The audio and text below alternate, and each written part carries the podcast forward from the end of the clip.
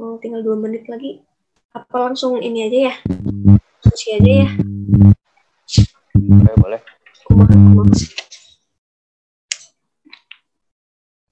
Kita langsung sharing atau gimana? Eh, mau langsung sharing boleh kalau masih ada yang mau nambah boleh insya Allah. Langsung sharing aja kali ya. Boleh. Saya duluan lagi atau mungkin ada yang mau sharing saya juga boleh sih nggak apa-apa di eh, tadi saya dari so- eh, saya mau sharing tentang Ali Imran ayat 159 sih Eh, yang mbak oh, oke Kalau kalau Teh Natsma mau duluan, aku lagi cari-cari. Oh iya siap siap. Saya dulu ya. Eh, jadi eh, surat Ali Imran ayat 159 nih. Sekaligus yang pernah kita bahas kemarin-kemarin ayatnya eh, ayatnya di sini yaitu maka berkat rahmat Allah engkau yaitu Nabi Muhammad SAW berlaku lemah lembut terhadap mereka. Sekiranya engkau bersikap eh, keras dan berhati kasar, tentulah mereka akan menjauhkan diri dari sekitarmu.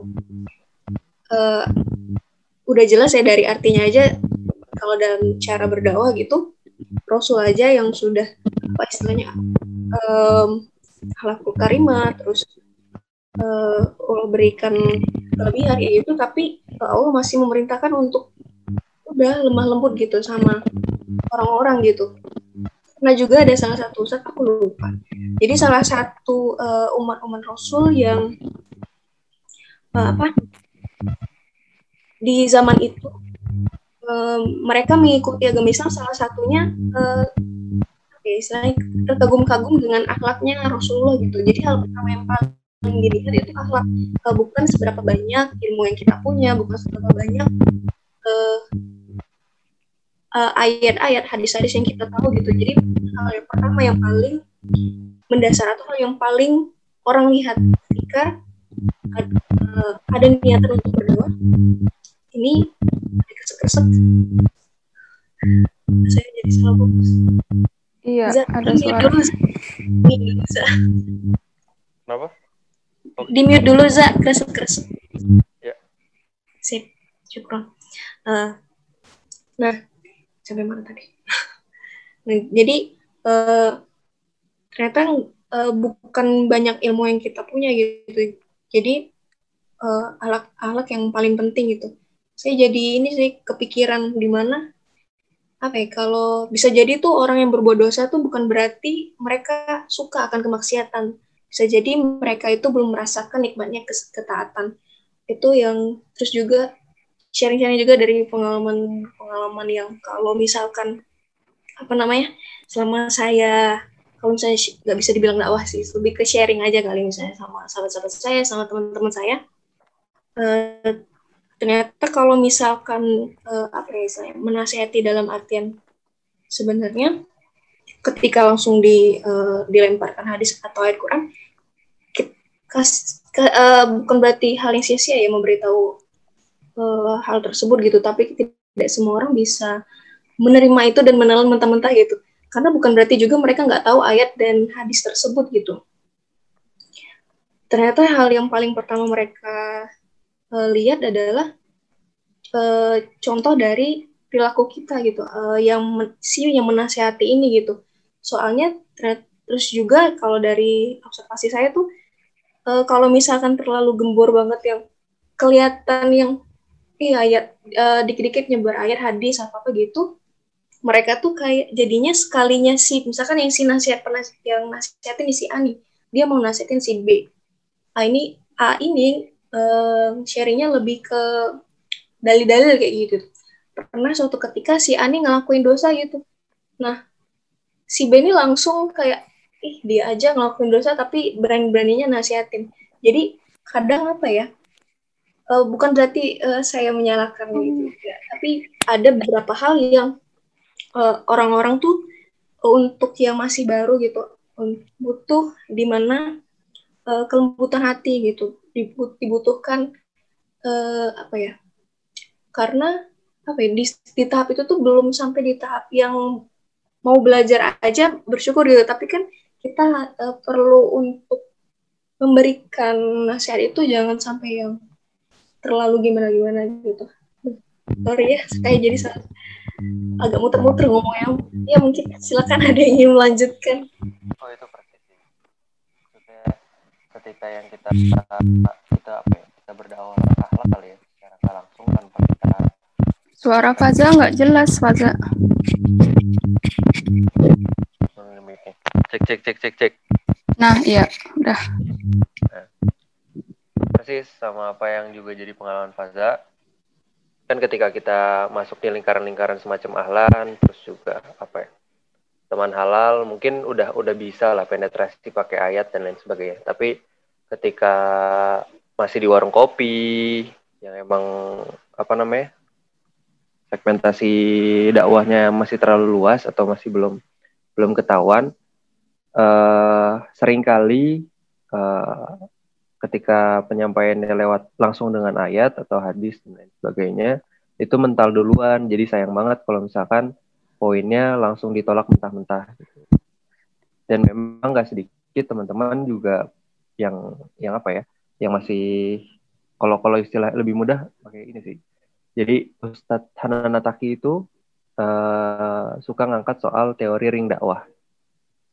Ring 4 dan 3 itu biasanya masih suka ada penolakan terus juga belum belum benar-benar ikut kajian dan lain sebagainya sedangkan di ring 2 dan 1 itu mau dihajar pakai ayat-ayat juga nggak masalah gitu. Kedekatan mereka terhadap Allah udah udah udah cukup lekat lah gitu mereka udah melihat ibadah itu sebagai kebutuhan sedangkan di ring 3 dan 4 belum sampai situ jadi eh, sesuai dengan senada sama ayat yang tadi ahlak itu sangat diperlukan oleh uh, teman-teman yang ada di ring 3 dan ring 4. Gitu.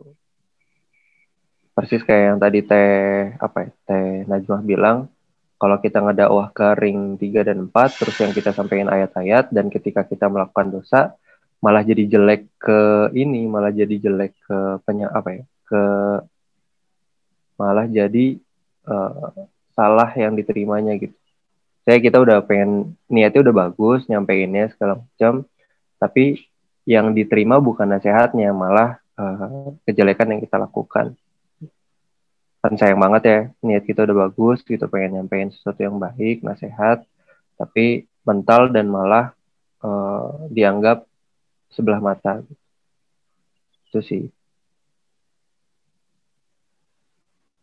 jujur Faza juga uh, senang banget ngobrol sama teman-teman yang dari lintas agama gitu ya, lintas keyakinan. Barusan juga sambil ini sambil ngechat sama teman yang ada di Jerman. Beliau kenal di Jakarta pas kita lagi kursus bahasa Jerman dan alhamdulillah sampai sekarang masih aktif ber ini apa namanya? ngajalin silaturahmi.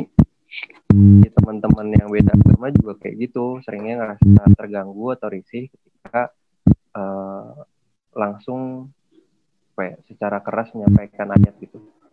Kalau kasarnya kan keyakinan aja udah beda gitu. Masa mau dipaksain pakai dalil-dalil yang beda beda juga. Pakai dalil-dalil dari pihak kitanya doang. Gitu sih. Gitu guys.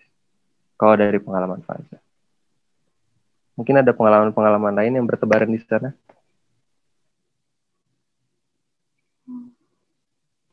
Mau komentar ya, boleh nggak? Boleh. Enggak. Eh, eh, Punten TSA mau duluan atau enggak tadi udah udah bilang Enggak. enggak, ya? Oh iya, iya. Enggak. Eh, kalau aku ngelihatnya eh, apa? Setuju. Setuju ya dengan ayat tadi dibahas sama Teh siapa tadi yang moderator? Aduh nggak lihat nggak lihat HP soalnya. Teh Najma. Najmah. Naj Najma sama Fa- Faza juga ya. Eh, maksudnya eh, kadang orang melihat yang bicara ya walaupun eh, yang di, dia dikatakan tuh bagus-bagus, mungkin dia belum belum belum apa belum mendapatkan hidayah juga dan sebagainya. Saya saya terinspirasi sama siapa pegulat yang dari Rusia, siapa yang Muslim? Ya siapa Habib ya? Siapa sih namanya? Habib Nurayef apa siapa namanya? Aduh tolong dong yang Ikhwan atau yang suka gulat yang kemarin dia memenangkan juara dunia gitu ya. Terus dia eh, apa namanya di antara semua pro kontranya gitu dia adalah seorang muslim. Dan dia itu antara lain jadi seakan-akan dia sebagai duta gitu ya eh, untuk membawakan Islam. Jadi kadang saya berpikir gini, eh, selain ilmu kita juga apa eh, perlu kayak memberikan contoh gitu ya. Maksudnya uh, kita mesti berhasil dulu gitu di bidang kita. Di bidang apa pun itu kita yang kita geluti gitu ya jadi kalau nggak kalau kitanya secara track recordnya gagal atau nggak bagus gimana kita mau kasih contoh ke ayah ya Habib Nurma Gomez? Selamanya susah bener. Ya jadi gimana kalau kalau kitanya sendiri nggak nggak bagus gitu ya gimana kita mau mengharapkan yang lain uh, ngedengerin kita gitu ya? Soalnya pengalaman pribadi juga kadang kalau di forum-forum gitu ya dulu zamannya aku masih kerja apa uh, jadi dulu tuh aku tuh kerjanya di UNESCO. Nah pernah suatu kali aku tuh diundang uh, konferensi gitu mewakilin kantor. Terus yang hadir tuh kayak profesor-profesor terus yang udah udah sepuh banget yang udah udah apa pensiun dan udah udah di jabatan tinggi. Pada saat padahal saya mewakili ini ya mewakili PBB gitu ya zaman dulu zamannya kerja. Tapi eh, di situ tuh banyak yang memandang sebelah mata. Kan kita tahu ya pandangannya atau gimana komentarnya gitu. Karena mungkin ngelihatnya kayak kita masih muda dan kita kayak belum ada nama gitu. Maksudnya kita belum ada prestasi lah gitu ya. Jadi itu ada pelajaran juga sih buat saya. Gimana kita mau membawakan sesuatu tuh kadang perlu dikejar dari di pribadi dulu. Gimana biar membuat mem, apa mem, membangun akhlak betul sih. Membangun akhlak dan juga membangun kualitas pribadi gitu. Itu satu ya. Terus yang tadi uh, yang tentang Ali Imran ya sebelumnya Anissa. Uh, itu tuh ayat yang sering sering banget dikutip ini terus terang aku sedikit curcol aja ya. Cur curhat kegalauan. Mungkin ada berbagai ada banyak juga yang galau dengan kondisi kondisi sekarang gitu ya. Maksudnya ayatnya itu yang berbunyi gini. Janganlah uh, janganlah kamu menganggap mereka mati padahal sebenarnya mereka hidup ya. Di sisi Tuhan mereka. Itu apa sih terusannya? Lupa. Ayat berapa ya itu Al Imran? Nah uh, itu tuh dulu aku inget banget ayat tersebut pernah dikutip dijadikan headline dari majalah Tempo. Kalau ada yang masih ngalamin ini zaman saya zaman zaman purbakala ya zaman saya masih kecil e, waktu itu kejadiannya adalah banyak yang korban e, terowongan mina. Jadi terowongan mina tuh sempat kayak e, apa ngejam gitu ya. Macet terus banyak yang keinjek-injek gitu. Terus jadi korbannya tuh berapa ratus atau berapa banyak lah pokoknya ya. Dari jemaah Indonesia juga ada nah itu itu pas pertama kali saya mengetahui tentang ayat itu ya ayat Ali Imran nah terus saya teringat juga dengan kondisi sekarang gitu ya tentang enam orang yang syahid. Jadi kadang kita ngeliat ya Allah kasihan banget keluarganya. Kebetulan ini soalnya salah satu dari enam orang itu adalah keponakannya tetanggaku. Kan saya tinggalnya di Tanah Abang nih. Nah tetanggaku tuh ada yang saudaranya gitu, apa tantenya ya, e, pamannya tantenya. Nah dia cerita juga gitu bahwa si salah satunya itu memang masih muda, masih mahasiswa, namanya Fakih. Nah terus dia itu uh, mahasiswa. Jadi dia dulu waktu kecil jadi ini menceritakan masa kecilnya. Ini ada melantur nggak apa-apa ya. Uh, uh, waktu masih kecil itu suka ditanyakan cita-cita kamu mau cita-citanya jadi apa? gitu kan. Terus kalau kita kan dokter gitu kan atau apalah gitu ya guru atau apa misalnya. Nah si fakih ini ternyata cita-citanya uh, saya mau ini aja mau apa sih mau meraih ridho Allah atau apa gitu ya. Pokoknya yang yang sama sekali jauh dari dunia gitu kenapa anak kecil gitu ya. Ya ini mencerminkan juga sih didikan orang tuanya bagaimana ya sebetulnya yang bisa mengarahkan anak sampai uh, apa mengatakan sesuatu. Dan dia apa dia istiqomah gitu ya. Maksudnya dia di jalan tersebut di jalur tersebut sampai akhir hayatnya gitu ya. Makanya saya pikir uh, apa namanya uh, kadang dengan situasi kayak gini tuh um, kita kita balik lagi uh, ke Quran gitu ya. Uh, seperti kemarin dibahas juga Quran tuh kan kabar gembira terus peringatan buat yang orang-orang kaum kaum kaum yang tidak apa yang yang suka mendustakan ya. Tapi juga mungkin penghiburan juga buat kita gitu ya insya Allah gitu. Dengan setiap hari ikut tadabur gitu. Maksud saya eh, selain kita memperkaya ilmu juga mem, mem, memperkaya wawasan juga saling tukar insight gitu.